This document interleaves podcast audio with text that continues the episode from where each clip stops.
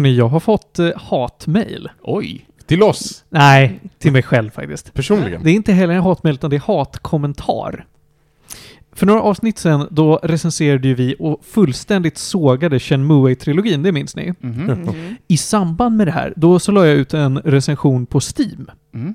Eh, och det var en vägg av text, men jag är jättenöjd med den. Jag är, den är väl motiverad, välskriven, jag, jag tar upp många bra punkter och det känns inte som att jag rantar allt för mycket. Men ett fan har gått in och tittat på min recension och sagt så här. Ett av våra fans eller ett av Shenmues fans? Shenmues fans. Finns det sådana? Eh, fanet Bill säger over long and vitriolic. Och over long antar jag att han menar att min recension är för lång. Mm. Vitriolic är ett ord som jag sällan hör användas. Jag har aldrig hört det förut tror jag.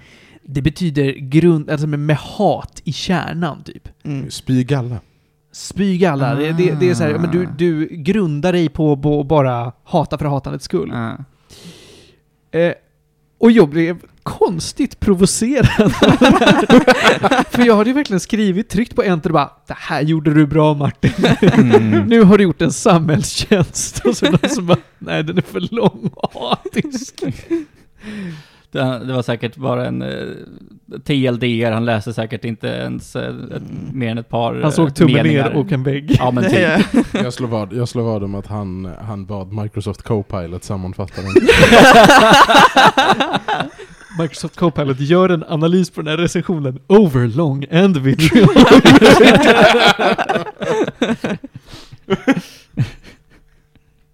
Gör en analys på internet. Over long And vitriolic. Japp. Ja, det är det enda säkra. Ja, herregud. Händer det något kul på internet eller är det bara eländes elände?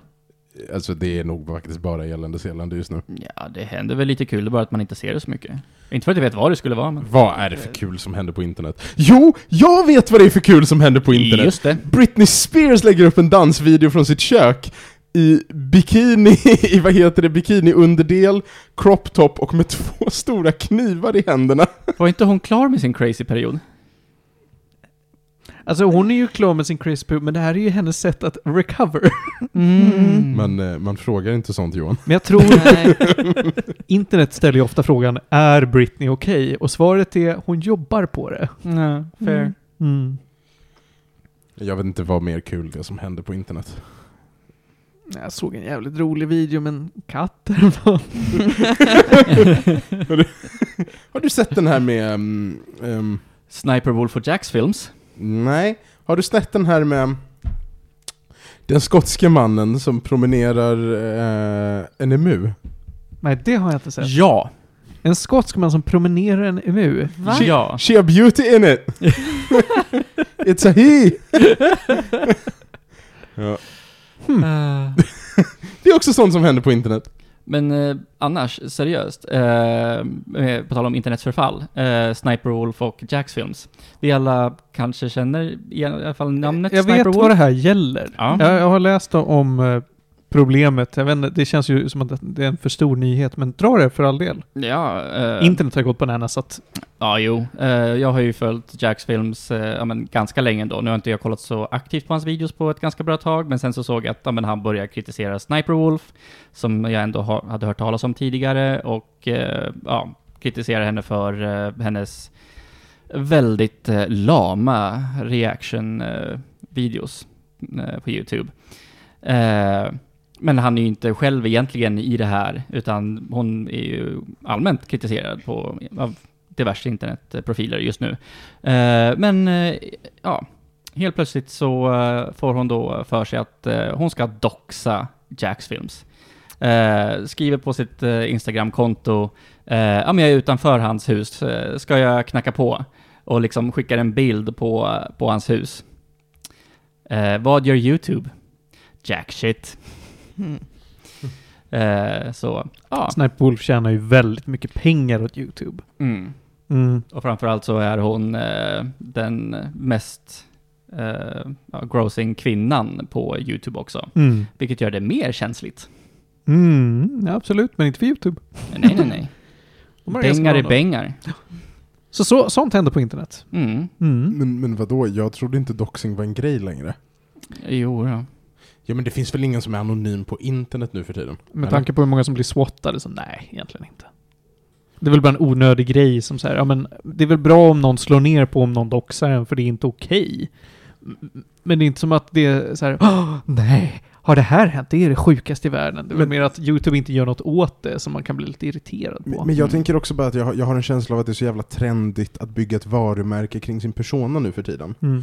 Att även om du till exempel har en Twitch där du har ett call name eller whatever, så är det ju, alltså den är ju liksom, det finns alltid ett linktree som länkar till tre privata sociala medier. Så att, så att det känns inte som att folk som tjänar pengar på internet längre är anonyma. Nej. Det är inte en grej liksom. Nej, alltså att vara anonym på internet går ju inte. Men det, det, det handlar ju om principen. Ja. In other news, idag när vi spelar in det här så släpps nya säsongen av eh, American Horror Story. Mm. Med Kim Kardashian i en av rollerna. Jaha. Mm. ursäkta? Mm. I vilken roll? Någon- Säg själv! Lite mindre roll. Jag vet inte, jag har inte hunnit se det här ännu därför att jag har jobbat. Men jag är snortaggad alltså. Vi har ju pratat väldigt gott om American Horror Story. Och att det var fortsatt kul ja. Ja, det är fortsatt kul. Eh, och så, det är allt jag har att säga om den saken. Jag återkommer med en recension när jag har sett det. Så länge, vad sägs om att vi drar igång avsnittet? Då kommer det här, nej, eh, där, där är introt. Här kom, där. Och där ska jag bara... Så. Här kommer det.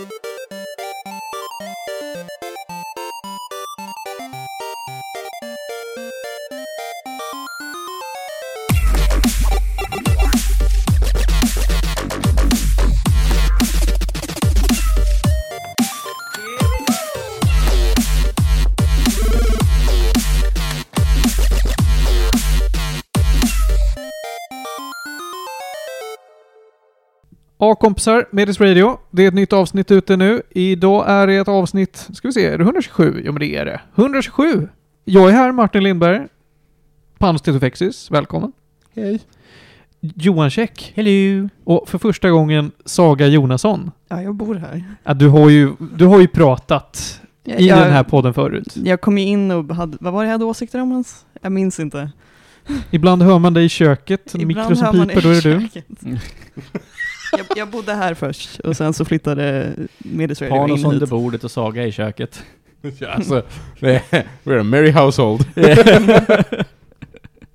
Det är kul att du är här Saga. Tack. Idag ska vi prata om grejer som du har åsikter om. Ja, Passar det sig att du är med? det gör ju det. Istället för att du är förpassad till sovrummet. Istället för att jag är förpassad till sovrummet sen lyssnar på avsnittet eh, om en vecka och bara nej men det här håller jag inte med om. Och klagar till dig. Mm. Den Eh, ha hatiska eh, kommentaren, nu nu vet jag var den kommer ifrån. är det bild på? Åh nej. Jag tycker, jag tycker att det enklaste sättet på ett demokratiskt sätt misstryck, uttrycka sitt missnöje mot Martin, det är att kasta något på honom. Vad ska man kasta på mig då? Kärlek. Tack. Pussar. Ja. Rosor. Du var, nu, nu var du på rätt sida om okej. Du var stort farligt nära kanten där på att åka in i buren igen. Nej hörni, vi ska snacka om kul grejer idag. Eh, Jag ska äntligen, efter vad som känns som ett halvår, recensera Alice in Borderland. Den har varit uppe på tapeten länge nu, men nu, nu är det äntligen dags. Eh, Johan, du ska prata Dune Imperium. Yeah. Det blir brädspelshörnan för dig idag. Jo. Saga, du ska Ja. prata om ett väldigt speciellt spel. Det ska jag. Det enda stället där kapitalism fortfarande når. Nej, det är det inte. Det är rymden. Du ska, Gärdet! Mm. du ska prata Hard Space Shipbreaker. Det ska jag. Ett, eh, ja, det, är, det är en samhällskommentar. En väldigt Ja, Där har vi ett spel som är overlong vitriol. det, stä- det stämmer faktiskt. Det är, vi, vi tar det när vi kommer dit. Jag ska prata... Ah, vad ska jag kalla det för? Det är nästan finkulturen av spel. Siberia. Serien. Det är inte en trilogi längre, utan nu är det fyra spel. Ska jag recensera. Mm. Förlåt, finkultur av spel. Ja, men det är ju... eh, Oj, Det är så oj, här oj, oj, oj. Genomtänkt. Det, det är människor med skarf som har skapat det här. Ja, det är så här en spelvärldens version av en regissör med en basker och en fransk eh, dialekt som håller på och tjatar eh, olika Det är ju roligt för det är en fransman vi ska nämna Ah, Okej, här. då så. Eh, Alltså det här var ju ganska högt ansett redan men då, och har väl varit kult ganska länge. Mm. Jag har aldrig hört om det här. Mm. Och det- baserat på när du spelat det och dina åsikter. Overlong. Men vitriolic. ja, nej, men det är, ska bli kul att prata Siberia. Och sen Panos, du ska prata Ologies. Ja. Ja. Ja, Du sparar Ja. allting, det är alltid hemligt. Ah! Okej. Hörrni, då hoppar jag direkt in på Alice in Borderland. Är det någon av er som har den minsta koll på vad det är för någonting? Ja, Över din axel. typ en trailer på Netflix Mm. någon gång för länge sedan. I en galax långt, långt borta. Absolut. Mm, no, no. Jag pratade senast om det här, eller senast, jag pratade för första gången om det här när vi pratade om Squid Game. Fan, jag känner igen det här. Därför att många sa att ah, du gillade Squid Game. Det finns också den här serien som är lite lik. Och så sa jag, ah, men fan det här verkar asnice. Jag ska glo på det här. Och så gjorde jag det inte förrän nu under sommaren, tror jag. Och eh, det kunde jag varit utan. Alice in Borderland är en, en live action science fiction thriller-drama eh, baserat på en manga. Mm. Kom ut 2020, två säsonger, nu är den helt slut. Eh, Jag vet inte hur nära den följer mangan, för jag har inte läst den. Men det märks att den är baserad på en manga och det är en serie som jag tycker är ganska konstigt ad- adapterad in i ett live action-format. Eh, det här är en serie som handlar om en härlig kille som heter eh, Ryohei, men kallas för, han heter Arisu egentligen, det är väl Mm. hans förnamn. Det, du vet hur man vänder på det. Eh, Arisu är en NEET, alltså Not in Mm. Education, Employment or Training. Ja, Mm. stämmer. Eh, han är en Mm. hemmasittare. Han har, eh, han har inte bra, sitter mest hemma och gamer. Det känns som ett riktigt jävla fult slur i Japan alltså. Ja. NEET, ja. Ja. Mm. Det kan man verkligen säga. Eh, han har två kompisar som inte är mycket bättre. Men de, de verkar i alla fall ha lite mer going for them, Men de, de tillsammans är lite av en så här ja, goofy, eh, no good trio. Eh, en dag är de ute och fuckar i Shibuya och busar med någon. Jag tror att de springer över gatan och råkar orsaka en bilkrasch. Eh, och sen flyr de in för att gömma sig från snuten inne på en toalett. Och när de kommer ut så är de inte längre i samma Shibuya. De är i, vad de tänker är ja, vi kan uttrycka det som ett parallellt universum. Där ett death game pågår. Mm. De behöver ta sig till platser och genomföra utmaningar som ofta innebär liv eller död. För att samla på spelkort. Hur många gånger dör de? Eh, många. det ska vi inte gå in på, men det, det dös en hel del. Eh, de och det är en massa andra människor här som vissa, tiden går lite annorlunda så att många har varit här i flera månader och hållit på, andra har precis kommit dit, precis som dem. Och ingen vet riktigt vad fan det är som händer. Mm. Men det, vi- vissa har gått ihop och sagt att ja, men vi ska samla på alla 52 spelkorten, eller i alla fall alla klädda kort. Så hur många det nu är, det är väl eh, 20 kanske va? Va? Om man räknar med S. Är det 20 då? Eh, S är väl inte Nej. Sexton. kort? Det är 16 är det, för det är 4. S kan, S kan ju räknas som ett klättkort. Okej då. Men ja, eh, 16 är det. Och serien då följer Ari och ofta så är det så här lite av en death game eller gambling kan det vara ibland. För att såklart, Arisu kommer ju till sin rätt här för att wow, jag är egentligen bra på saker därför att jag ofta i, i nödens minut kan klura ut lösningen på de här pusslerna eller så liknande fällorna vi är satta i. Och det är ofta det. Det är liksom ett avsnitt, det är, ja men vi behöver eh, komma till nästa utmaning, de kommer in i den, man får förklara att eh, konceptet av det, eh, folk säger vi vi fattar inte hur vi ska lösa det här och sen så löser Aris och det. Och under tiden så får man i vanlig eh, ordning träffa en massa färgstarka karaktärer. Som än en gång känns som att de funkar i en manga men inte i live action-adaption. Jag tycker, om vi jämför med någonting som vi har sett en live action-adaption på ganska nyligen, så One Piece Mm där är det ju så att nej, till slut köper jag att karaktärerna är lite färgstarkare än vad en riktig människa hade varit. Mm. Men här är det en värld som ändå ska likna vår egen. Mm. Det är inget övernaturligt med det förutom att det Death Gamet är lite sci-fi. Mm. Så därför är det jävligt skumt när folk springer runt som Roronoa med, med eh, svärd i tänderna och typ är ninjor. jag vet inte vad jag ska kalla det för. Ja. Nej, men det är ju sällan som eh, vare sig manga eller anime-adaptioner funkar i live action. Eh, One Piece funkar för att de har försökt faktiskt göra dem till mer riktiga människor och inte ja, så överdrivna som manga vanligtvis är. Jag ska inte spoila så mycket om vad som händer, men det är, här är en rörig serie alltså. Och den är för långsam och den har, det känns som att alla twists and turns bryr man sig inte riktigt om för ingen är särskilt likable. Arisu är väldigt unlikable för att han mest går runt och antingen gnäller eller är oduglig. Och sen vet man att det alltid kommer lösas i slutet ändå. Hans companions vänder på en femöring vilken inställning de har till varandra. Det, det, karaktärsutvecklingen är verkligen vad de känner i den här sekunden. Ibland kan det vara så här, jag älskar dig Arisu, du är fan min bästa vän. Och sen kan det vara, du är så oduglig, jag hatar dig och mitt liv.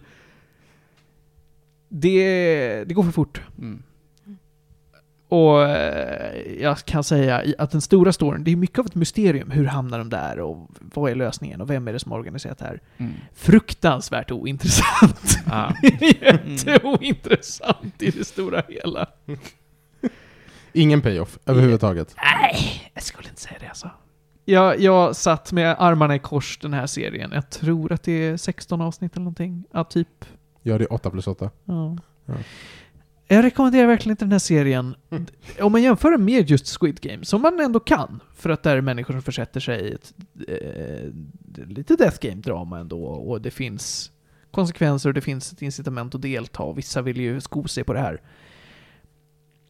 Skalan i Squid Game är så mycket bättre.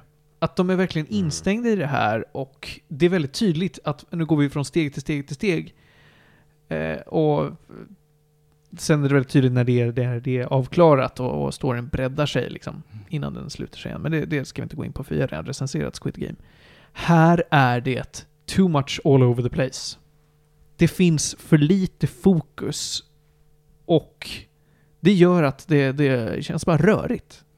Ja, alltså det känns ju som att eh, det är svårt att eh, göra en isekai.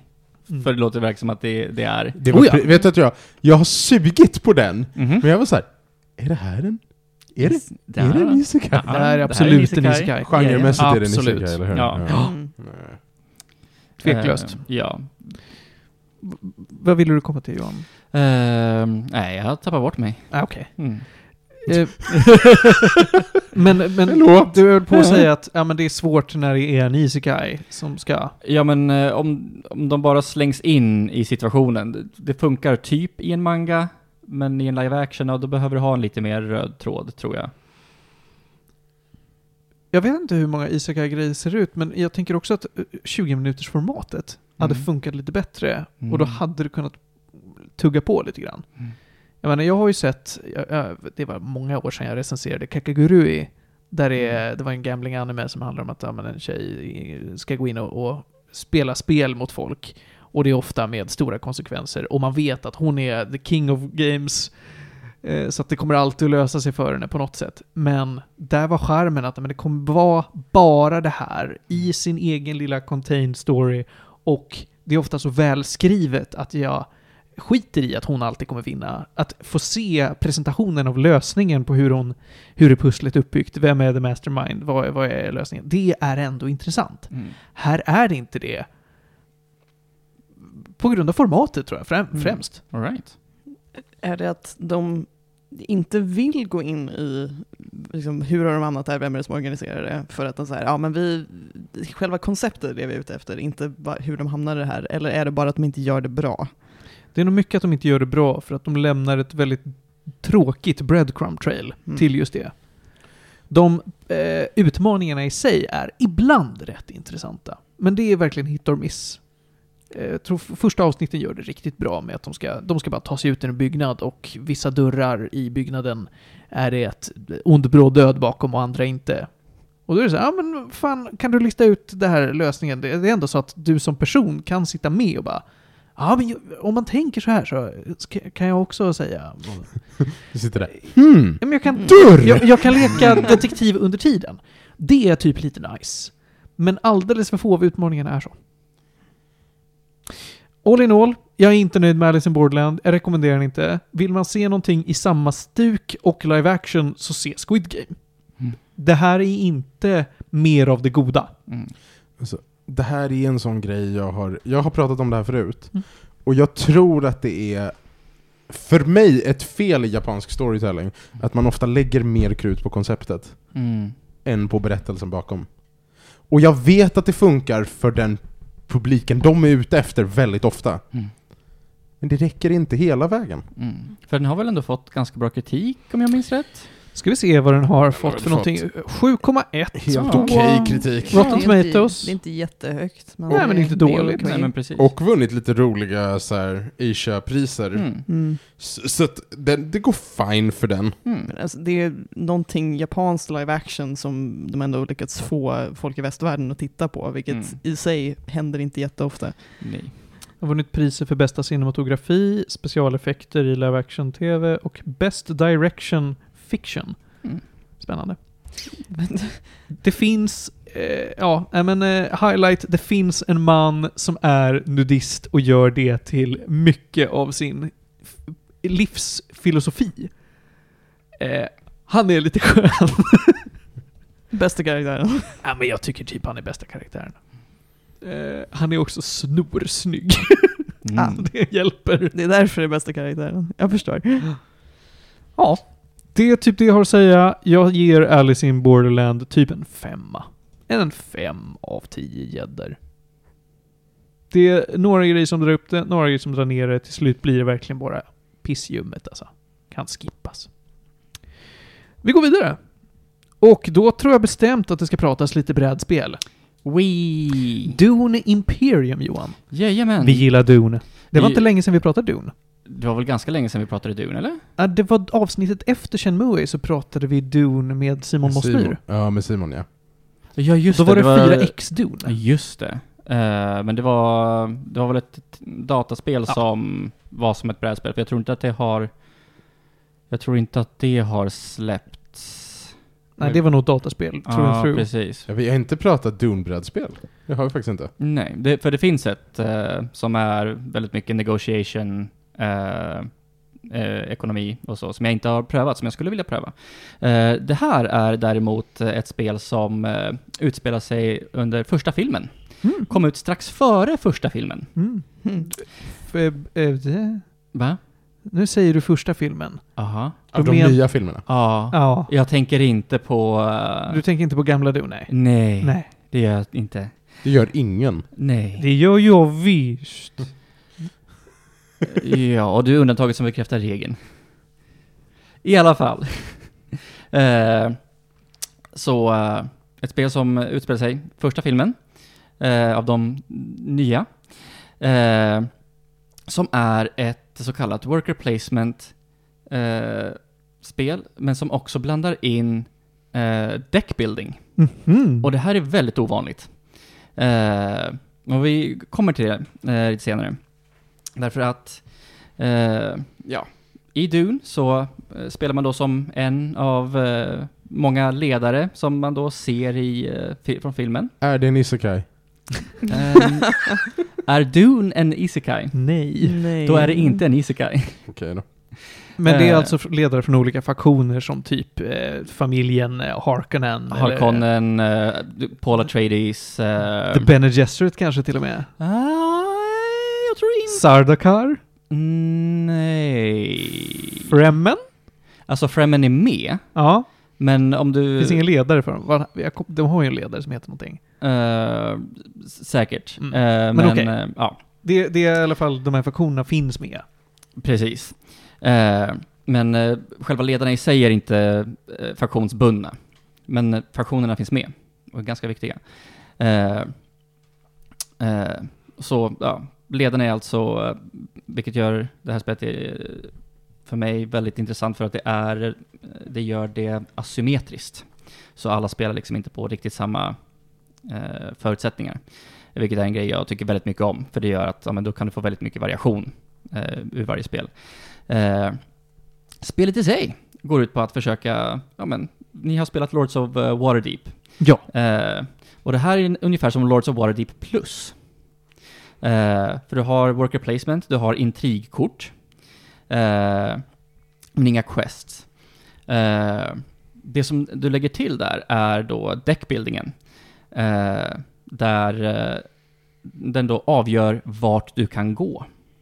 Kan du dra worker placement bara Mm. som koncept lite snabbt? Yes, worker placement eller action selection går alltså ut på att du har eh, oftast två eller fler, eh, i det här fallet agenter, eh, som du placerar någonstans på spelbrädet och du får en, eh, en bonus av att gå dit. Eh, Så baserat vara, på vilket område du går till så Mm. får du en pryl. det kan vara att Mm. få en resurs, dra kort eller någonting annat. Eh, det är the gist av worker placement. Och de allra flesta worker placements gör, säger också det att du inte kan gå till samma plats som någon annan. Precis så är det här också. Eh, det finns kort som gör att du kan göra det, men eh, generellt nej. Eh, så då, det, dit du kan gå då, jag tror att det är tre olika symboler. Eh, plus de olika faktionerna. Jaså, du Yes. kan gå till faktionerna? Du kan gå till faktionerna. Du har Ah, Bene Gesserit, du har ah, Fremen, Ja. eh, Space Guild och Emperor. Mm. Eh, och just de fyra är väldigt viktiga. Därför att när du går till någon av de platserna så går du också upp i reputation med dem. Aha. Eh, och går du upp tillräckligt i reputation så får du också victory points. Ah. Och man behöver 10 victory points för att trigga endgame. Inte nödvändigtvis för att vinna. Det kanske någon annan gör. Okej. Mm. Har, om du är den som triggar endgame, Mm. Har du lite större chans att vinna då kanske? Sannolikt. Ja, Ja. ja, okej, men det är bra. Mm. Någon jävla måtta får det vara. ja, men precis. lite rubber banding är kul. ja, typ så. Eh, eh, nej, men precis. Eh, så att, ja. Gå för reputation med faktioner, få bonusar, få victory points. Och ja, typ så. Eh, det, det går också ut på att ja, men, samla på sig spice. Vatten är otroligt viktigt i det här spelet. Eh, samt Solari. Så det, du har ja, men, ganska tematiskt eh, alla de här resurserna. Du tänker på någonting Panos? Ja, jag hade, jag trodde, Mm. jag såg framför mig hur det här spelet skulle se ut typ som Illuminati. Men Mm. det gör det ju inte alls. Det gör det verkligen inte. Däremot var det jättefina kort Det är, som alltså, är baserade på filmen. är det, det, arten är en av mina favoritaspekter med det här. Att de inte bara har tagit foton, realistiska foton på eh, skådespelarna, utan de faktiskt har gjort artsy varianter av dem. Det är...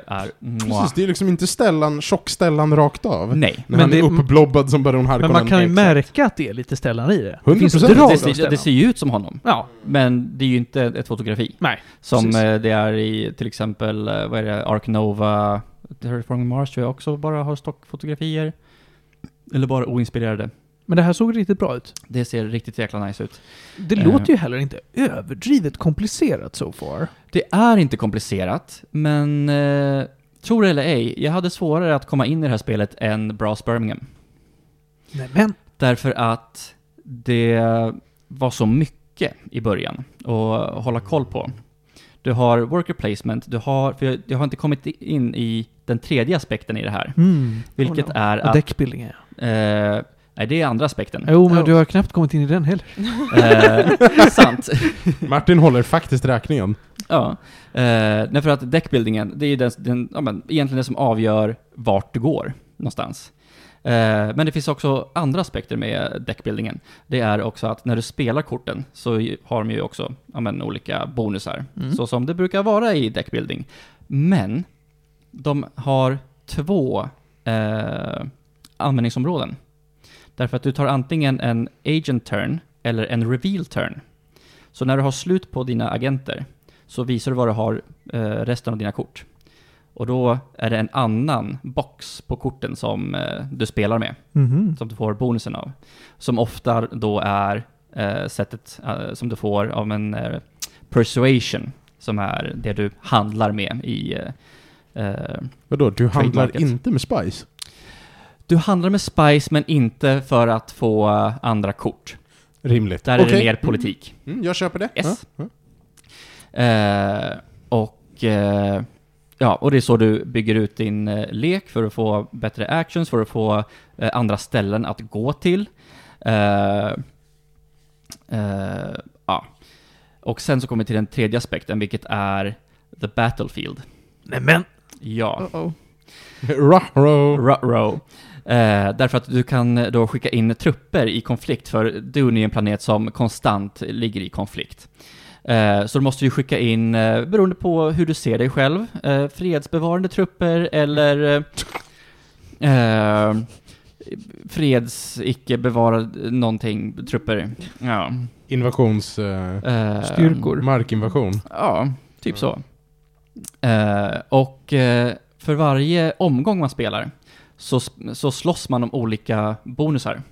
Så det kan vara allt från lite Solari till eh, faktiska victory points. Eh, och ju längre spelet går, desto större bonusar får man också. Så det gäller att då veta vilka omgångar du försöker gå in i konflikten och vilka du försöker ja, men, hålla dig ifrån. Nu börjar det kännas smått överväldigande. Ja, Mm. Ja. För nu börjar det bli så här långsiktig planering. Ja. Eh, men Vi vet vad jag tycker om det. ja, det också känns som att det blir väldigt långa turer om man ska ta allt det här i, i åtanke. det blir det i början. Ja, Eh, nu spelar jag och tjejen det här på typ en och en halv timme. okej. Och ni är två. Vi är två. Hur skulle du se att det skalar när man tar in flera människor? Eh, jag tror att man kan eh, få det till... Det här är inte en exakt Nej, nu gissar du på det. Ja, men är ett precis. räkneexempel. Precis, ett räkneexempel. 40 000 miljarder minuter. Spice. Eh, nej men, eh, säg att det tar, ja men, för en veterangrupp på fyra, tre timmar. Mm. Jag tror mm. att en veterangrupp Så, kan, ja. få, kan få ner till två och en halv, kanske till och med två, beroende på, ja men, ja men allt beror på liksom, vad det är för grupp man sitter med, right? Eh, jag själv sitter ju med lite analysis paralysis, eh, så, ja, så tar man en, slår man ut det på, eh, ja, så tror jag nog att, ja men ungefär tre timmar för en eh, fyra personsgrupp, tror jag kan vara ganska rimlig. Alltså, ja, tiden börjar springa iväg. Vad är, Mm. vad är det bästa och sämsta med Dune Imperium? Hmm. Det... Mm.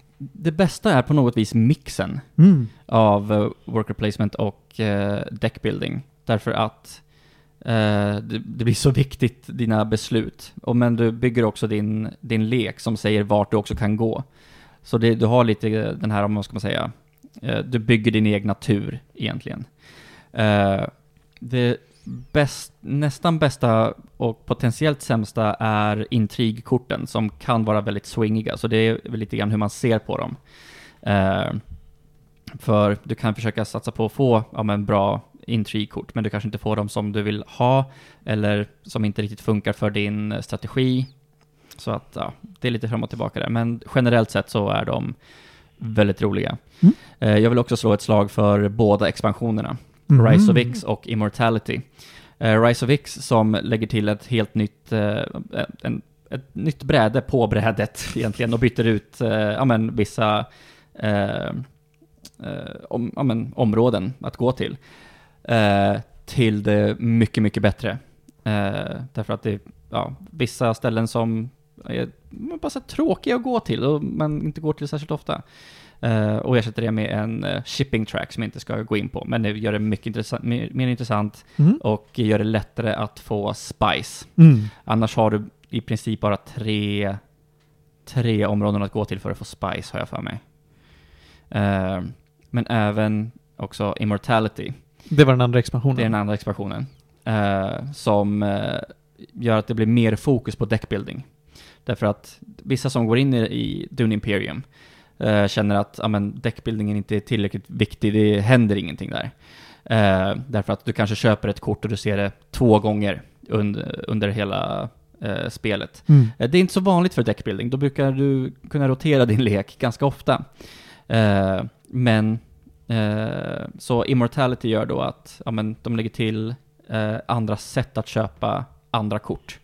Så att du, ja, så att det blir mycket viktigare. Mm. Eh, jag skulle säga garanterat att Rise of X nästan är essentiell. Eh, jag skulle rekommendera att köra basspelet två gånger och sen kö- köpa Rise, of X. Okej. Eller om du eh, tycker att det var för lite deckbuilding, kör Immortality först. Coolt! Jajamän.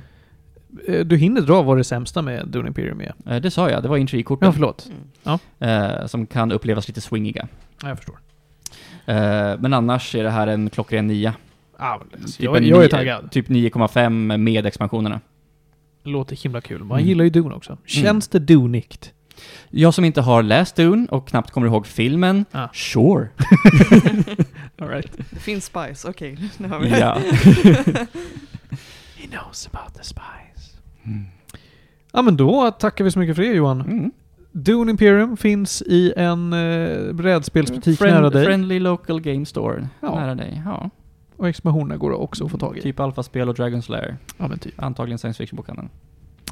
Då så. Då är det Saga. Ja. Du ska prata lite om Hard Space Shipbreaker. ja, från en del av rymden till en annan. Segway. du stal ju min fina The One Place Corrupted by Capitalism, eh, tyvärr. Men uh, Hard Space Shipbreaker är ett, jag kollade upp det nu, jag vet inte om man kan, ska klassa det som ett indiespel, men eh, jag tror det är en mindre studio, kom ut och så här full, eh, nu är vi klara eh, 2022, så det är ganska nytt. Ehm, jag fick det rekommenderat till mig på Steam eh, och det var någon som sa om det här är typ som uh, House Flipper. Jag bara, ah, nice, jag gillar det spelet. Det var inte som House Flipper. Ehm, men eh, jag var ändå positivt överraskad. Ehm, så konceptet är, du är en arbetare i rymden i, jag vet inte när, framtiden, någon gång eh, som tar ett jobb för eh, ett företag som heter Lynx Corporation som äger typ allt. En fråga. Ja. Vad är det för framtid? Är det liksom 10 000 år eller nästa fredag? Eh, säg 300 år, Okej. men citera mig inte på det. Jag är inte helt säker. Okej. Eh, så du, jobbar för här, eller du tar ett jobb för det här företaget som en shipbreaker, vilket är vi tar in skepp som är gamla och trasiga och vi ska ta isär dem för att göra nya skepp. Och det är rätt farligt. Eh, så det första du gör är att så här, läsa igenom en terms of service. Det här får du inte göra, det här måste du göra, jada jada jada. Ehm, och det andra som händer är att du blir faktiskt dödad. För att eh, eftersom shipbreaking är så farligt och vi är i framtiden så har de eh, listat ut hur man klonar folk. Så därmed Mm. så tar de att ja, men nu tar vi din viktiga information och sen så gör vi massa kloner av dig. Så ifall du dör, då har du en klon. Det är fine. Men vi äger de här klonerna. Så eh, ifall du dör så kostar det. Och du hamnar snabbt i väldigt stor skuld. Ja, det hamnar i så här typ, mm, typ en, vad blir det på svenska, biljon, one trillion typ. Är det här eh, Animal Crossing in space? Det är Animal Crossing fast med mer kapitalism. ah. Åh vad kul det vore om alla personer pratade med Animal Crossing-röster. Det hade spelet varit väldigt svårt att förstå, men uh, Ja. yeah. Du får ha text. Ja, jag antar det. Um, ja, men själva konceptet är i alla fall att du börjar ditt skift varje dag. De första timmarna är bara så här, du ska lära dig saker. Eh, du blir introducerad till lite olika karaktärer som du aldrig träffar, men du får, du får en lite så här bild av dem och namn och så håller de på och berättar upp saker för dig eh, över radion. Man spelar också i första person. Man spelar också i första person. Mm. Eh, så du har två verktyg. Ett, ett av dem är typ, tänk, vad heter den i Half-Life? Gravity gun. Gravity gun. Tänk Gravity gun, plus att du kan typ sätta rep mellan två bitar så åker de mot varandra. Hey, det är som ett trine. Verkligen. Ja, mm, sure. Ja. Mm. Eh, och den andra är bara, här kan du skära sönder saker för att du behöver skära sönder saker i mindre bitar. Eh, och varje dag så får du du får eh, välja vilket skepp du vill jobba på. Eh, du får bonusar ifall du gör klart ett skepp, eller så, här, så mycket som möjligt. Ha inte sönder för mycket, snälla. Ehm, och så har du 15 minuter att göra så mycket du kan på det. Och så får du eh, betalt beroende på hur mycket du gör, eller hur mycket du så här, lämnar in. Att, så här, det finns olika saker du ska sortera. Det, så här, ah, det här är en eh, dator, den här ska ner i, det här kan vi sälja, använda om, vi ska sälja det, så den ska inte liksom, smältas ner eller processas, utan du, du ska bara slänga den så att vi kan använda den senare. Andra saker ska antingen smältas eller processeras. Uh, och det är egentligen bara så här, sortera ut saker och se till att du inte har sönder för mycket saker i processen. Och sen får du betalt beroende på hur bra jobbet du gör. Och eh, eh, också i början så hyr du alla dina grejer, så i början så kostar det mer. eh, så varje, varje dag när du vaknar upp så är det så här, ah, okej, okay, här är kostnaden för förra dagen. Uh, vilket är dina verktyg och att du bor här och jada jada jada. Så du, ifall du är riktigt dålig på jobbet så tar du upp mer skuld.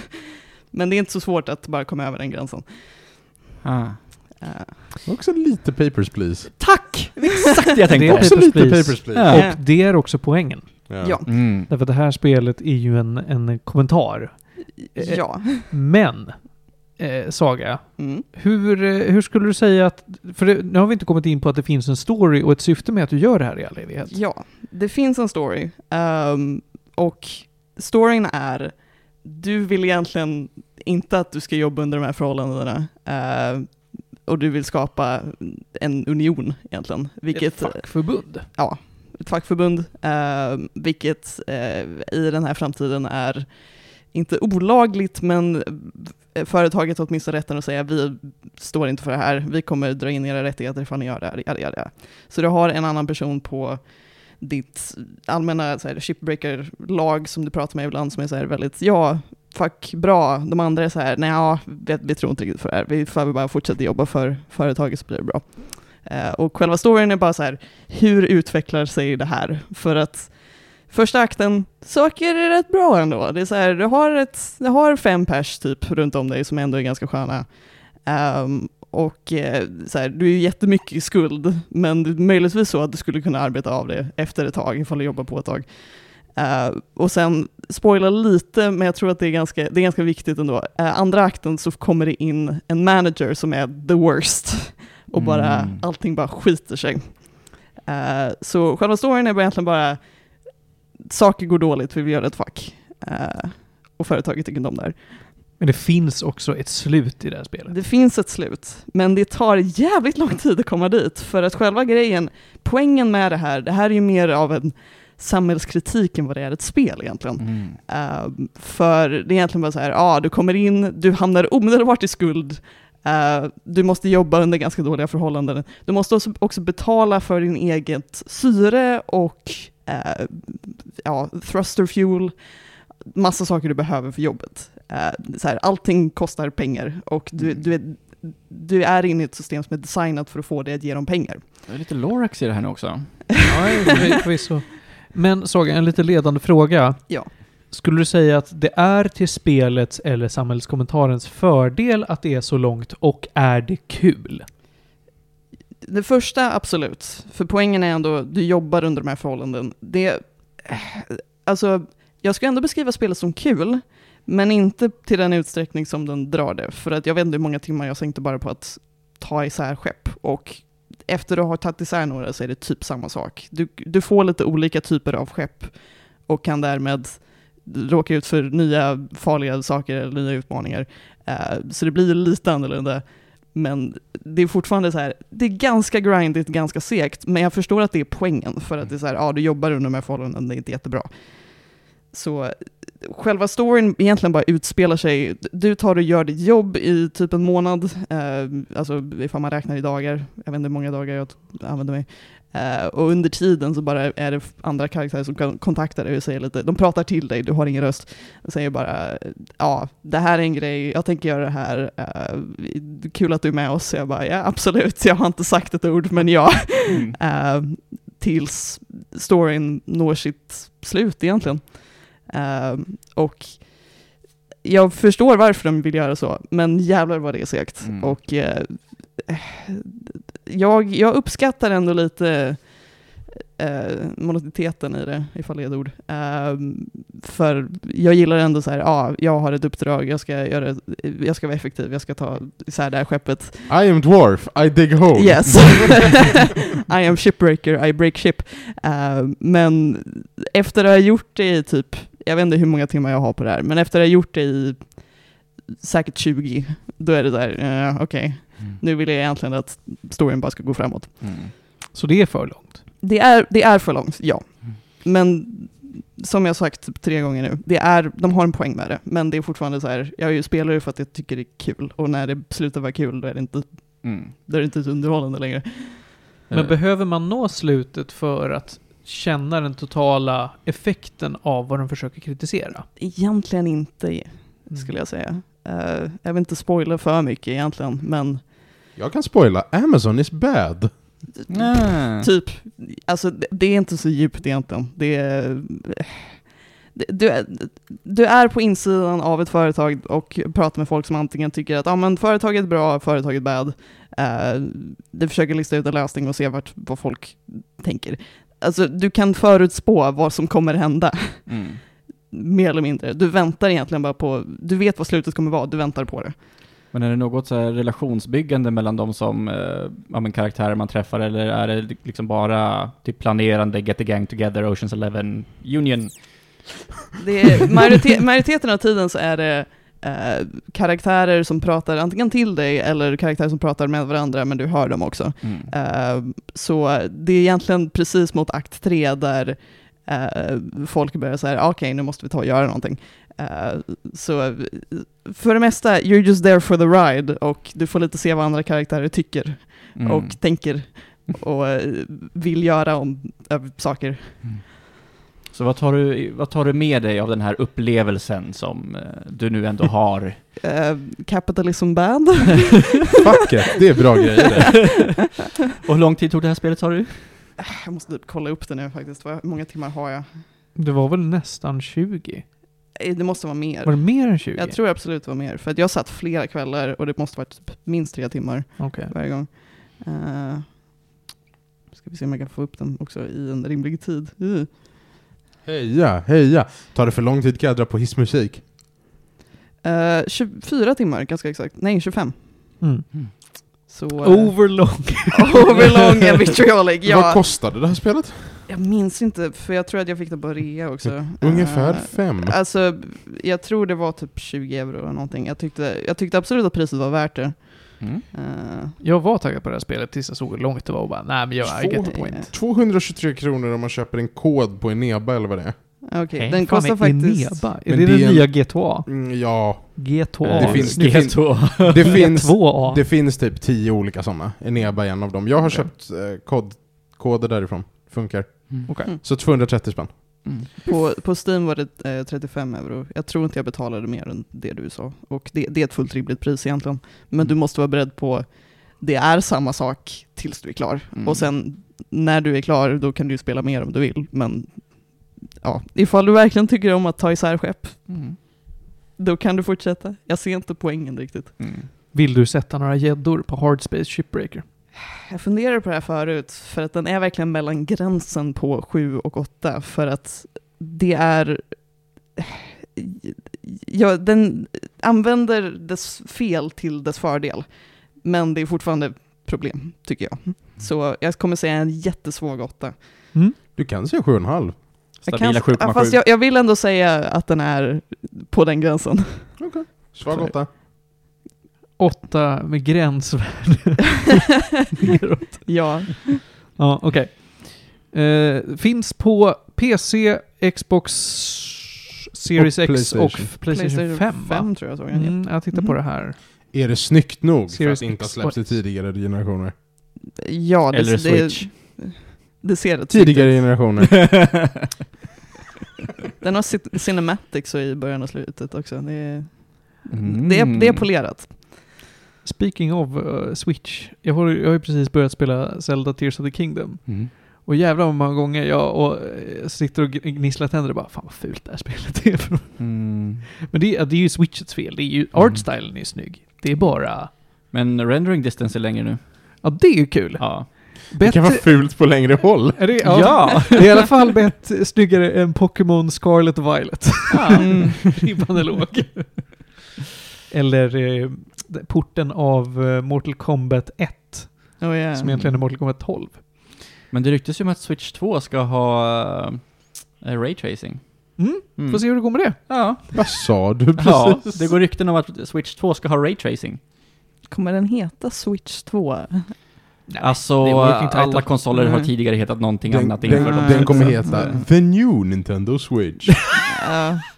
Jag såg, det var någon, någon jävla sajt som sålde Det var någon jävla sajt som sålde, vad heter det, refurbished new 3DS. Mm. Man bara, vem köper det här i andra hand just nu? De är inte supported, det kommer inga spel sedan fyra år tillbaka eller vad det är. Mm. Ah, ja, Hade, ja. man, hade man köpt den innan de stängde e-shoppen så hade det varit Typ. nice. Alltså jag är ju sugen på att ha en bara för att kunna spela de få exklusiva spelen till den. Mm. Men... Eh, Alltså vill du låna? har du ett 3DS? Jag har ett 3DS och ett New 2DS. De Åh, bara jävlar. ligger. Ja. Ja, då så. Då behöver jag inte köpa någonting. Mm. Vi ska gå vidare hörni. Vi ska åka till Frankrike. Uh, Nej, vi ska till Belgien egentligen. Det, det, det, det är så här. Jag trodde vi skulle till Ryssland. Vi ska till... Ja, det ska vi också. Belgien, där finns det För pommes. det är många länder vi ska Oh. till. Väldigt många. Ja. Eh, det ko- eh, mm. Åh, vad svårt det blir. Jag ska prata om Siberia. Siberia är ett point and click graphical adventure game till PC. Första spelet kom ut 2002 Mm.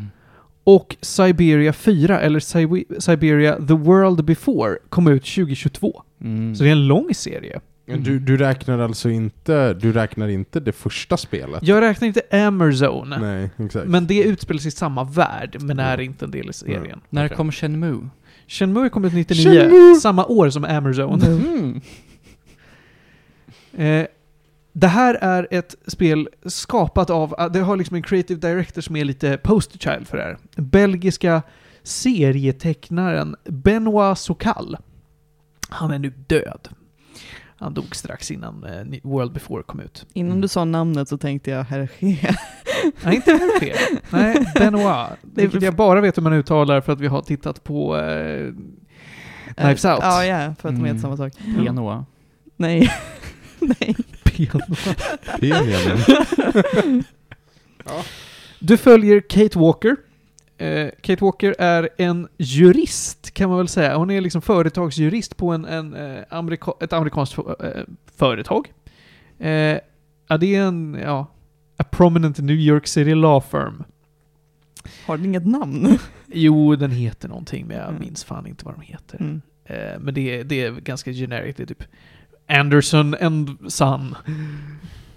Hon åker till ett centraleuropeiskt land för att mäta ut ett, eh, en fabrik. Centraleuropeiskt generiskt. Ja, men det är typ Österrike. De har någon form av gulasch, någon De- form av schnitzel. Jag ska säga, det är väldigt mycket, det är, väl, det är väldigt mycket länder i de här spelen där det är skittydligt var de är, men de har bara döpt om landet till något annat. Men det finns också riktiga länder. det är lite jobbigt. Tänk att det är... Vi kommer komma till det, men det finns Österrike som inte heter Österrike och det finns judar som inte heter judar. Och det kommer vara jätteviktigt. Är det här en isekai? Kate Walker åker till inte Schweiz, säger vi, och ska träffa... Eh, ska, ska mäta ut en, en fabrik helt enkelt. Och hon försöker att komma i kontakt med den sista arvtagaren av den här fabriken, Hans Vorarlberg. Och det visar sig vara lite svårt för att han är någon gammal gubbe som har varit lite shunned by his family. Och det går lite dåligt. En viktig aspekt är att i den här världen så finns det utspelar sig liksom i då, dåtidens nutid, så att varje spel utspelar sig eh, mellan 2002 och 2004. Eh, vissa teknologiska grejer finns, andra finns inte och är istället ersatta med automatons, så mekaniska robotar. Det är väldigt mycket stora, komplicerade mekaniska attrapper som känns som att en, eh, klockmakare har skapat det. Och Hans Vorelberg då, han är lite wunderkind och är lite i bräschen för att utbreda såna här grejer. Så tänk att eh, tunnelbanor körs automatiskt med typ uppvridningsmiker. Som att man vrider upp ett, ett, eh, en klocka. Monorail, Mm. monorail. I det första spelet så ska du hitta Hans Vorarlberg basically. Och då är det ett ganska traditionellt från den tiden point and click-spel. Du samlar på dig, det är inventory management, eh, du löser pussel med prylar du plockar upp och har konversationer med NPCer. En lite cool feature är att du har en mobiltelefon eh, som du kan ringa nummer på.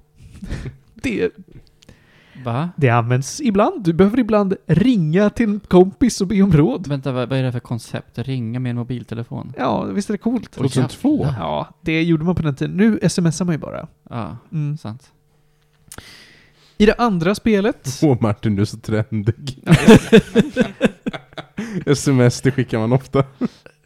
Spelet heter ju Siberia, därför att du, med Y dock, men du ska ta dig till Sibirien och sen till ön Sibirien, som ligger utanför Sibirien. Inte för att blanda ihop med varandra. Ja. Ah. Eh, det finns också av någon oklar anledning eh, tågspår som verkligen går genom hela jävla världen. Så att du kan åka tåg på samma spår mellan inte Österrike och den här ön Sibirien. Men den här ön Sibirien vet man heller inte om den finns på riktigt. Det är jättekonstigt. Det är som Finland. Man åker båt, ska sägas. Jag tänkte Men, ja, Avalon, men ja. Du åker riktigt långt. Det är väldigt mycket så här, åh, den här mytomspunna platsen som man kan åka tåg till. Eh, I den så ska man ta Hans Vorarlberg till, till eh, Sibirien för han vill dö där, typ. I det tredje spelet så ska man följa med ett gäng inte-inuiter på deras vandring av, vad kallar de det för? Eh, håriga strutsar, säger vi. De har gigantiska strutsar som de håller på och, och typ driver runt som om de vore eh, boskap. Chocobos. Chocobos. Eh, så att man ska hjälpa dem med sin vandring och det är lite knas för att då kommer ryska under... Just det, det ska sägas. Eh, folk är väldigt arga på Kate för att hon inte är... Eh, gör sitt jobb, så att hennes jobb ringer henne då och då och är arga och hennes familj ringer henne och är arga för att hon inte kommer hem och jobbar som advokat utan att hon åker på äventyr i Östeuropa. Eh, och sen kommer både amerikanska och ryska underrättelsetjänsten och vill slå henne. Ja. Vad har man gjort för att få både ryska och amerikanska underrättelsetjänsten på en? Bra fråga. Spela spelet så får du se. I det fjärde Nej. spelet så är det... Men Eh, är man, är man Kate, Kate man är, Walker bo- i... Kate Walker är alla, Ah, men ah. i fyran spelar man också som en annan kvinna eh, som lever i- under andra världskriget. Nej. Är det Strax första före. världskriget är det va? Nej, det, Det var Nu strax får du- före andra världskriget. får du bestämma det dig. är strax, Mellankrigstiden. Ja, det är mellankrigstiden, men det är under kriget också. Men äh, skitsamma, en, Mm. eh, det är nog 30-talet faktiskt. Ehm, så man pendlar mellan att vara Kate Walker i nutid, som försöker hitta eh, spår av vem den här kvinnan var, och sen får man då och då leva ut hennes liv också. Så att de, man är på typ samma platser, men bara 70 år emellan varandra. Eh, jag tycker så här. Ettan var lite av en, ett kultspel för att folk var lite svältfödda på bra klick- peka-klicka-spel just då. Det var det här och typ Longest Journey. Longest Journey är mycket bättre. Ettan är fruktansvärt grå och trist. Den är ett helvete att titta på, alltså det är så fult. När kom Monkey Island? Monkey Island var långt innan där. så Det var Mm. 90-talet för det mesta.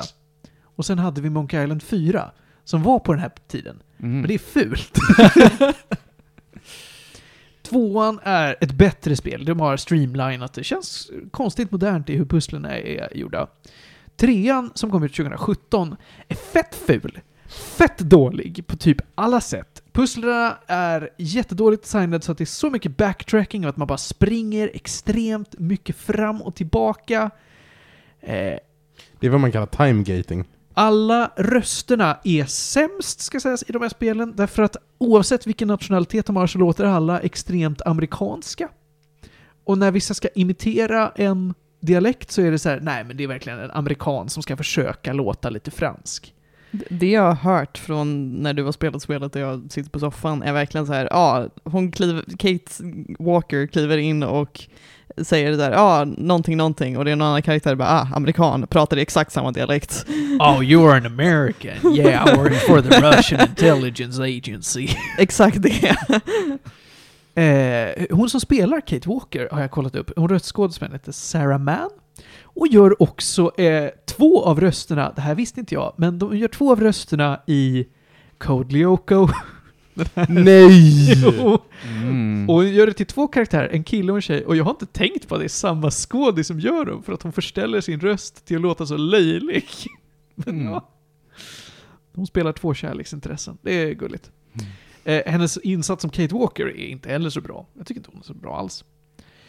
Fyran tycker jag är genuint ett ganska bra spel. Det är väldigt snyggt.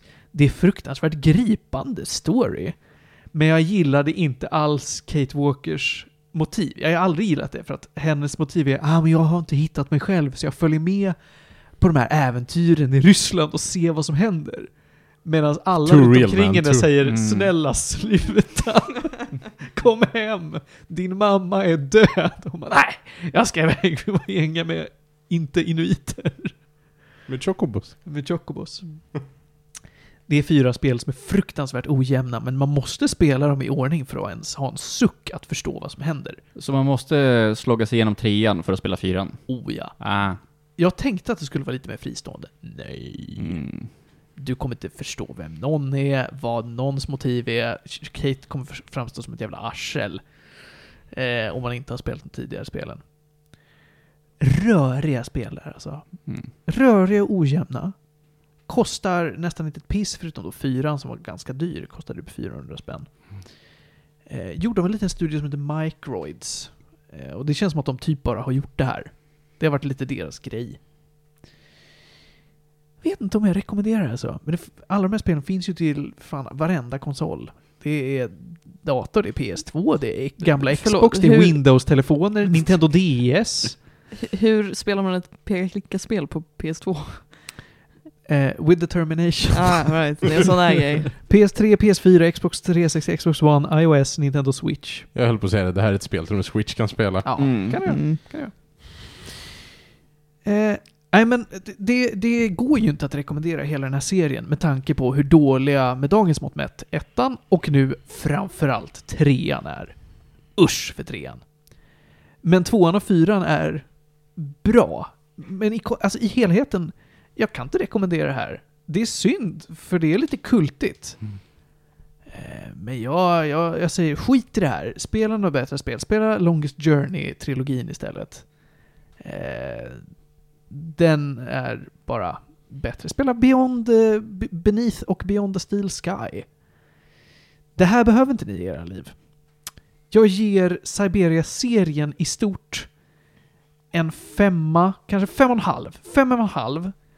Och individuellt så är de ju så jävla ojämna att det inte är värt att gå in på. Men fyran är klart bäst. Vart en upplevelse att spela Siberia-serien. En upplevelse som jag inte vill unna någon. Ingen ska ha det här. Ingen. Ja, men det är så här, fyran kanske inte är så bra som jag tror. Det kanske bara var förlösande att spela ett bra spel efter tre dåliga. Jag vet inte. Jag har en väldigt viktig fråga. Finns det någonsin någon karaktär som säger Kate Walker men bara Kate? För att vad jag, enda jag hörde när du pratade med en karaktär var ah, Kate Walker. Jag bara, vem tilltalar någon med för och efternamn? Hennes bästa vän Olivia säger Kate. Annars så tilltalar nästan alla karaktärer henne som Kate Walker. Och det är superstörigt. Mm. Du har en, du har en sidekick som ska vara likable, en, en eh, robot som heter Oscar. Han är ju bara störig för att han konstant eh, förklarar situationen och tilltalar henne med fulla namn och typ säger vad hon gör. Va, Oh, you're standing here, Kate Walker. How fun it is of you to stand here on such a beautiful day. Kom till saken, robotjävel. Jag kan fatta konceptet att bara han gör det för att han ska vara en robot och vara stel, men det är verkligen alla andra som också gör det. Så jag bara så här, va- varför, varför funkar människor så här?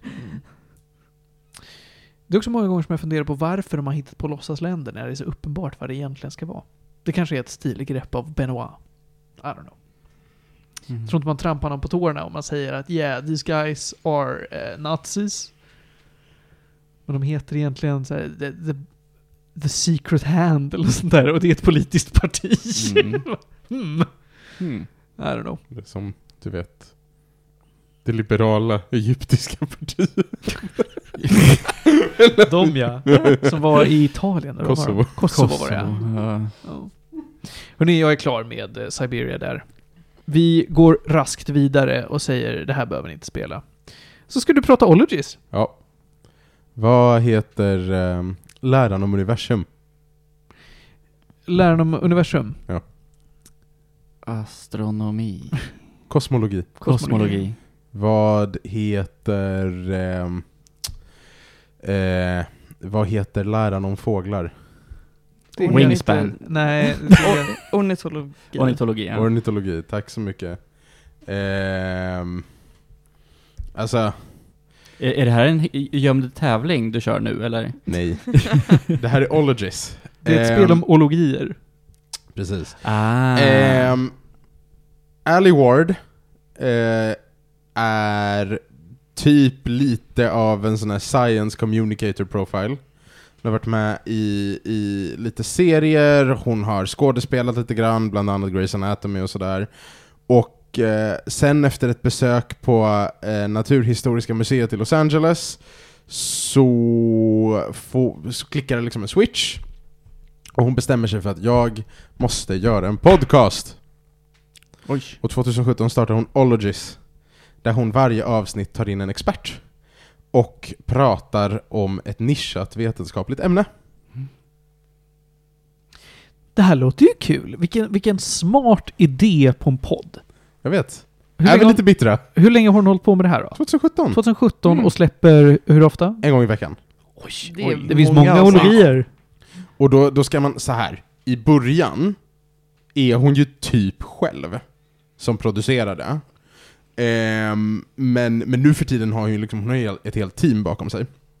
Jag är rätt säker på att den första faktiskt eh, publicerades på iHeartRadio som är liksom värsta mediahuset. Eh, men, men det är ju alltså det är fan mycket jobb att prodda de avsnitten en gång i veckan. Eh, det är en free range intervju, hon är jättefrågvis, man får lära sig jättemycket typ de första 45 minuterna. Och sen så har hon alltid quickfire questions från sin Patreon. Mm. Eh, som får veta ämnena i förväg då. Mm. Skitmysigt. Mhm. Jättemysig podd! Jag lyssnar ju på podcasts eh, eller ljudböcker i bilen till och från jobbet. Och eh, jag har svårt att identifiera böcker jag trivs med i snabb takt nog. Alltså, lita på att börja en ny bokserie, lite svårt. Mm. Speciellt om man ska höra den första gången. Så att då har jag liksom försökt hitta podcasts. Eh, Radiolab brukade vara min go-to, som är liksom New York Public Radios eh, vetenskapspodd. Men de producerar en i veckan och jag har hört alla. Mm. Så jag får bara en i veckan. Mm. Ehm, så då behöver jag något nytt.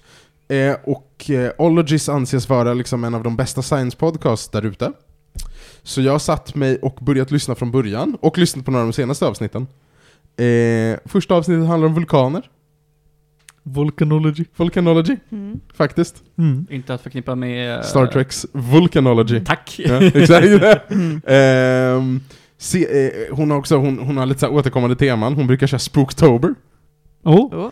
Ehm, I år är det Witchology. Oh. till vilken hon har en faktisk självidentifierad häxa. Mhm. Det är lite roligt, det är lite spännande. Han, eh, hen, hon, hen, dom, kul person. Förra årets Spooktober var Vampire Special, Mm. Ja. med en snubbe som är professor i östeuropeiska språk och kulturer. Mm. Studi- studerar slaviska språk. Mm. Eh, också skitroligt, man bara 'Varför har du en vampyrkurs?' Han bara 'Ja, universitetet jag jobbar på gav mig en frivalskurs, så jag tänkte vi gör något kul' Han har typ en av USAs mest populära vampyrkurser. Mm. Eh, snackar om det i en och en halv timme i podden, skitspännande. Mm.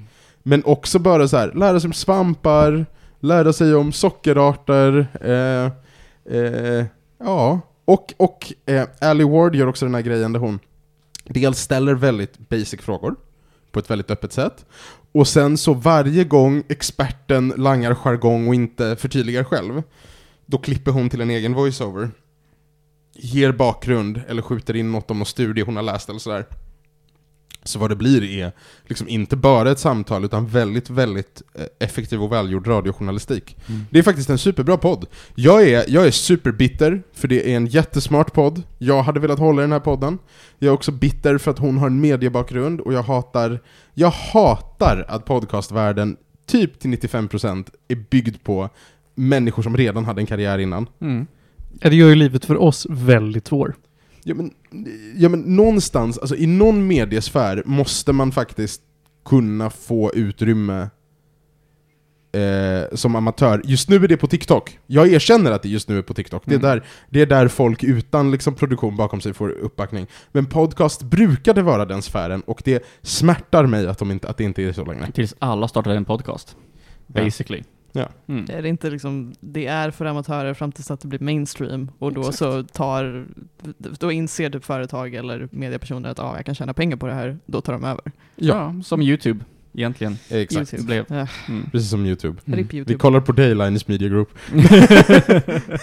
Hur går det med dem nu då? De hade ju problem en stund. Ja, han blev cancellad. En Ja. stund. Är han tillbaka in, back in black? De Men löste han- sina problem som gjorde att han blev cancellad. Han är också inte VD för företaget sen ett tag tillbaka. Mm. Så att jag tror att de kinda dodgade på det. Mm. Okej. Ja. Nej men... ehm, problematiskt, kanske lite. Jätteintressant podcast. Ologies with Ali Ward. Mm. Eh, hon gör encores där hon flera år senare återbesöker när det har kommit liksom fler följdfrågor. Hon har en subpodd inom podden som heter Smologies. Som är eh, lämpliga avsnitt nedklippta och censurerade för att passa på att, till att lyssna på med barn. Ja. Ja. Ehm, it's very cute. Mm. Och hon är en sån här schysst människa där man kan, eh, man kan stötta på Patreon för typ så här 25 cent. Hon har satt en jättelåg minsta gräns. Mm. Så, att, så att det är verkligen... Och med de pengarna så gör hon produktion och donerar till välgörenhet som experterna får välja. Mm. Kul! Nice. Vill du ge Ologies några gäddor? Nej men det är, det är en 9 av 10 podd. Kanon. Oj, oj. Det är en 9 av 10 podd. Jag brukar väldigt sällan recensera andra poddar på den här podden. Men, men det här är en bra podd. Mm. Du pratade om häxor. Då slog det mig så här, vad fan har alla Wicca-brudar tagit vägen? Ja. Är det en trend som har dött ut, eller är det bara att jag har slutat hänga i de sfärerna där de finns? För jävlar vad det känns som att det var många som var så här, nej men jag är en självpraktiserande häxa ett tag. Vi- vi- Vilka sfärer brukade du hänga med häxor? Sådana? Du vet, scouterna. nej, där var det nog inte mycket, eftersom jag kom från överklasscouterna. Nej men jag vet, jag vet inte, jag har faktiskt en känsla av att, eh, Det var mycket sådana på, på Darkside. Ja, att, men att Vicka-trenden har eh, lugnat sig lite kanske. Mm. Det ska man också, det ska man också komma ihåg, Vicka är ju new age. Ja. Mhm. Det är ju inte, det är ju inte fak- Lyssna på häxavsnittet, vad fan ska jag sitta jag och pratar om? Ja. Vad, vad heter det? Witchology? Ja. Mm. faktiskt. Mm. Finns inget latinskt namn för häxa? Nej. Okej. Hexicus. Hexicus. Hexicus. Hexus. Okej, hörni, eh, det är dags att avsluta avsnittet. Och hur brukar vi göra det, Saga? Mm, det- Tre snabba. Ja, det stämmer. Vad du kan. Här kommer... Jag var lite osäker. Nej, det, jag, jag tappade bort mig för jag var inte beredd på frågan. För jag säger, ja ni brukar tacka för både... Ja nej, innan dess så kommer det ju tre snabba såklart. Men det tog så här två sekunder innan jag kom på det. Hörni, gissa om jag har lyssnat igenom en artists diskografi. Ja. Nej. Jag tror att du eh, skippade den här gången. Tror jag skippar det. Bra, bra. Var det, var, det, var det de där... Vad var det? Vi hade en godkänd lista. Pre- Pre-approved lista av artister. Jag vet for a fact att du har lyssnat igenom flera diskografier i, när du letade efter någonting annat. Mm. Det ska inte vara Maiden, det ska inte vara Metallica, eh, inte The Who. Vad hade vi mer? Ja, det får ju inte vara eh, Jimmy Eat World. Då får vi hatmejl. Då är min tre snabba overload. Nej då, eh, det kanske jag kommer till en annan gång, men jag har eh, dykt ner i mitt eh, norska eh, dunkmusikträsk. Och för att leta lite låtar där så har jag eh, behövt lyssna igenom några av de artisternas diskografier och jävlar vad det har varit lång, långt. Eh, bra, men långt. Men det är inte vad jag ska rekommendera den här veckan. Utan jag har lyssnat igenom en svensk artist, en popsångerska som heter Agnes Matsdotter. Hon gör olika typer av, eh, av eh, pop. hon jobbar med lite olika producenter så hennes sound varierar lite grann. Som senast så har hon jobbat med de eh, människorna som är dödsdisco, som jag rekommenderat tidigare. Så hon har gjort låtar eh, med, ja, med deras sound helt enkelt. Eh, jag rekommenderar framförallt låtarna Kalatea, eh, Space och Bas, Bas, Bas. Agnes Matsdotter, superduktig, eh, har gått i samma klass som en gammal klasskompis till mig. Nej, i samma skola åtminstone som en gammal klasskompis till mig. Amanda Ardai, hon är också musiker, kan man lyssna på. Sen går vi vidare. Jag eh, vill rekommendera ett väldigt trevligt indiespel som jag körde igenom i helgen när jag eh, började beta igenom spel i bokstavsordning igen. För fan Martin. Jo, visst. Ibland gör jag sånt vet du. Då provade jag spelet 911 Operator. Där du spelar som en person som svarar på ja, 112-samtal. Och samtidigt så ska du skicka ut räddningsfordon, heter det väl? Ut i olika amerikanska städer för att lösa olika problem. Det var rätt nice. Och tycker man det är nice? Killer Frequency. Är det typ också så det? Ehm, det går ut på, väldigt kort, eh, att eh, du är en radiohost eh, och din 911 operator ringer dig för att de inte får kontakt med polisstationen.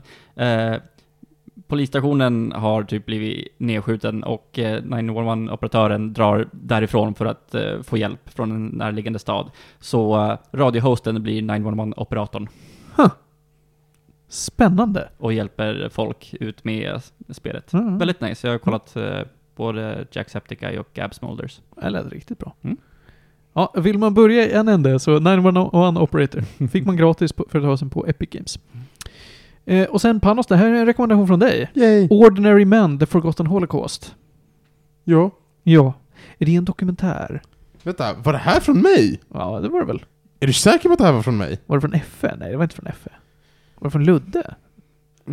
Ja. Vi är inte säkra på vem som rekommenderar det, men någon gör Ja, det. det var från Ludde. Det är Ludde som har kollat på Ordinary Men. Det är jag som inte har glott på, på någonting, så att det är svårt för mig att hitta en Det är snabb. Ludde som har kollat på Ordinary Men och pratat om det med Sagas mamma. Så Hon hade det. läst boken. Som är baserad på den där romanen. det. Det gick full circle på ett sätt som jag inte förväntade mig. Det, det är, vad heter det, det Det är är en dokumentär. Det, det En är... Netflix-dokumentär. Ja, det är en Netflix-dokumentär baserad på en biografisk eh, bok som handlar om hemska, hemska saker utförda av vanliga människor under andra världskriget. Mm. Just det. Eh, det, det är lite det här vad, vad för hemskheter människor kan göra under order och i grupp. Mm. Mm. Ändå värt att, att eh, utbilda sig inom. Så att vi rekommenderar den. Eh, framförallt då Netflix-dokumentären finns på Netflix. Snyggt. Jaha! Ja, ibland så kan det ju finnas i röven. Hörrni, vi eh, tar och tackar för dagens avsnitt hörni. Johan, Tackar. tack för att du kom. Saga, Ja, jag bor här. ja det är svårt att bli av med dig. Ja, tyvärr. Du flyttade hit. Du, du valde val. detta. Panos, jag bor här. Ja, det gör du. Va? Puss och kram allihopa och nyp i stjärten så hörs vi igen nästa vecka. Vill ni, eh, vill ni någonting då är det medisradio.gmail.com eller följ oss på Facebook och Instagram. Det heter vi Medisradio. Puss och kram och nyp i stjärten igen.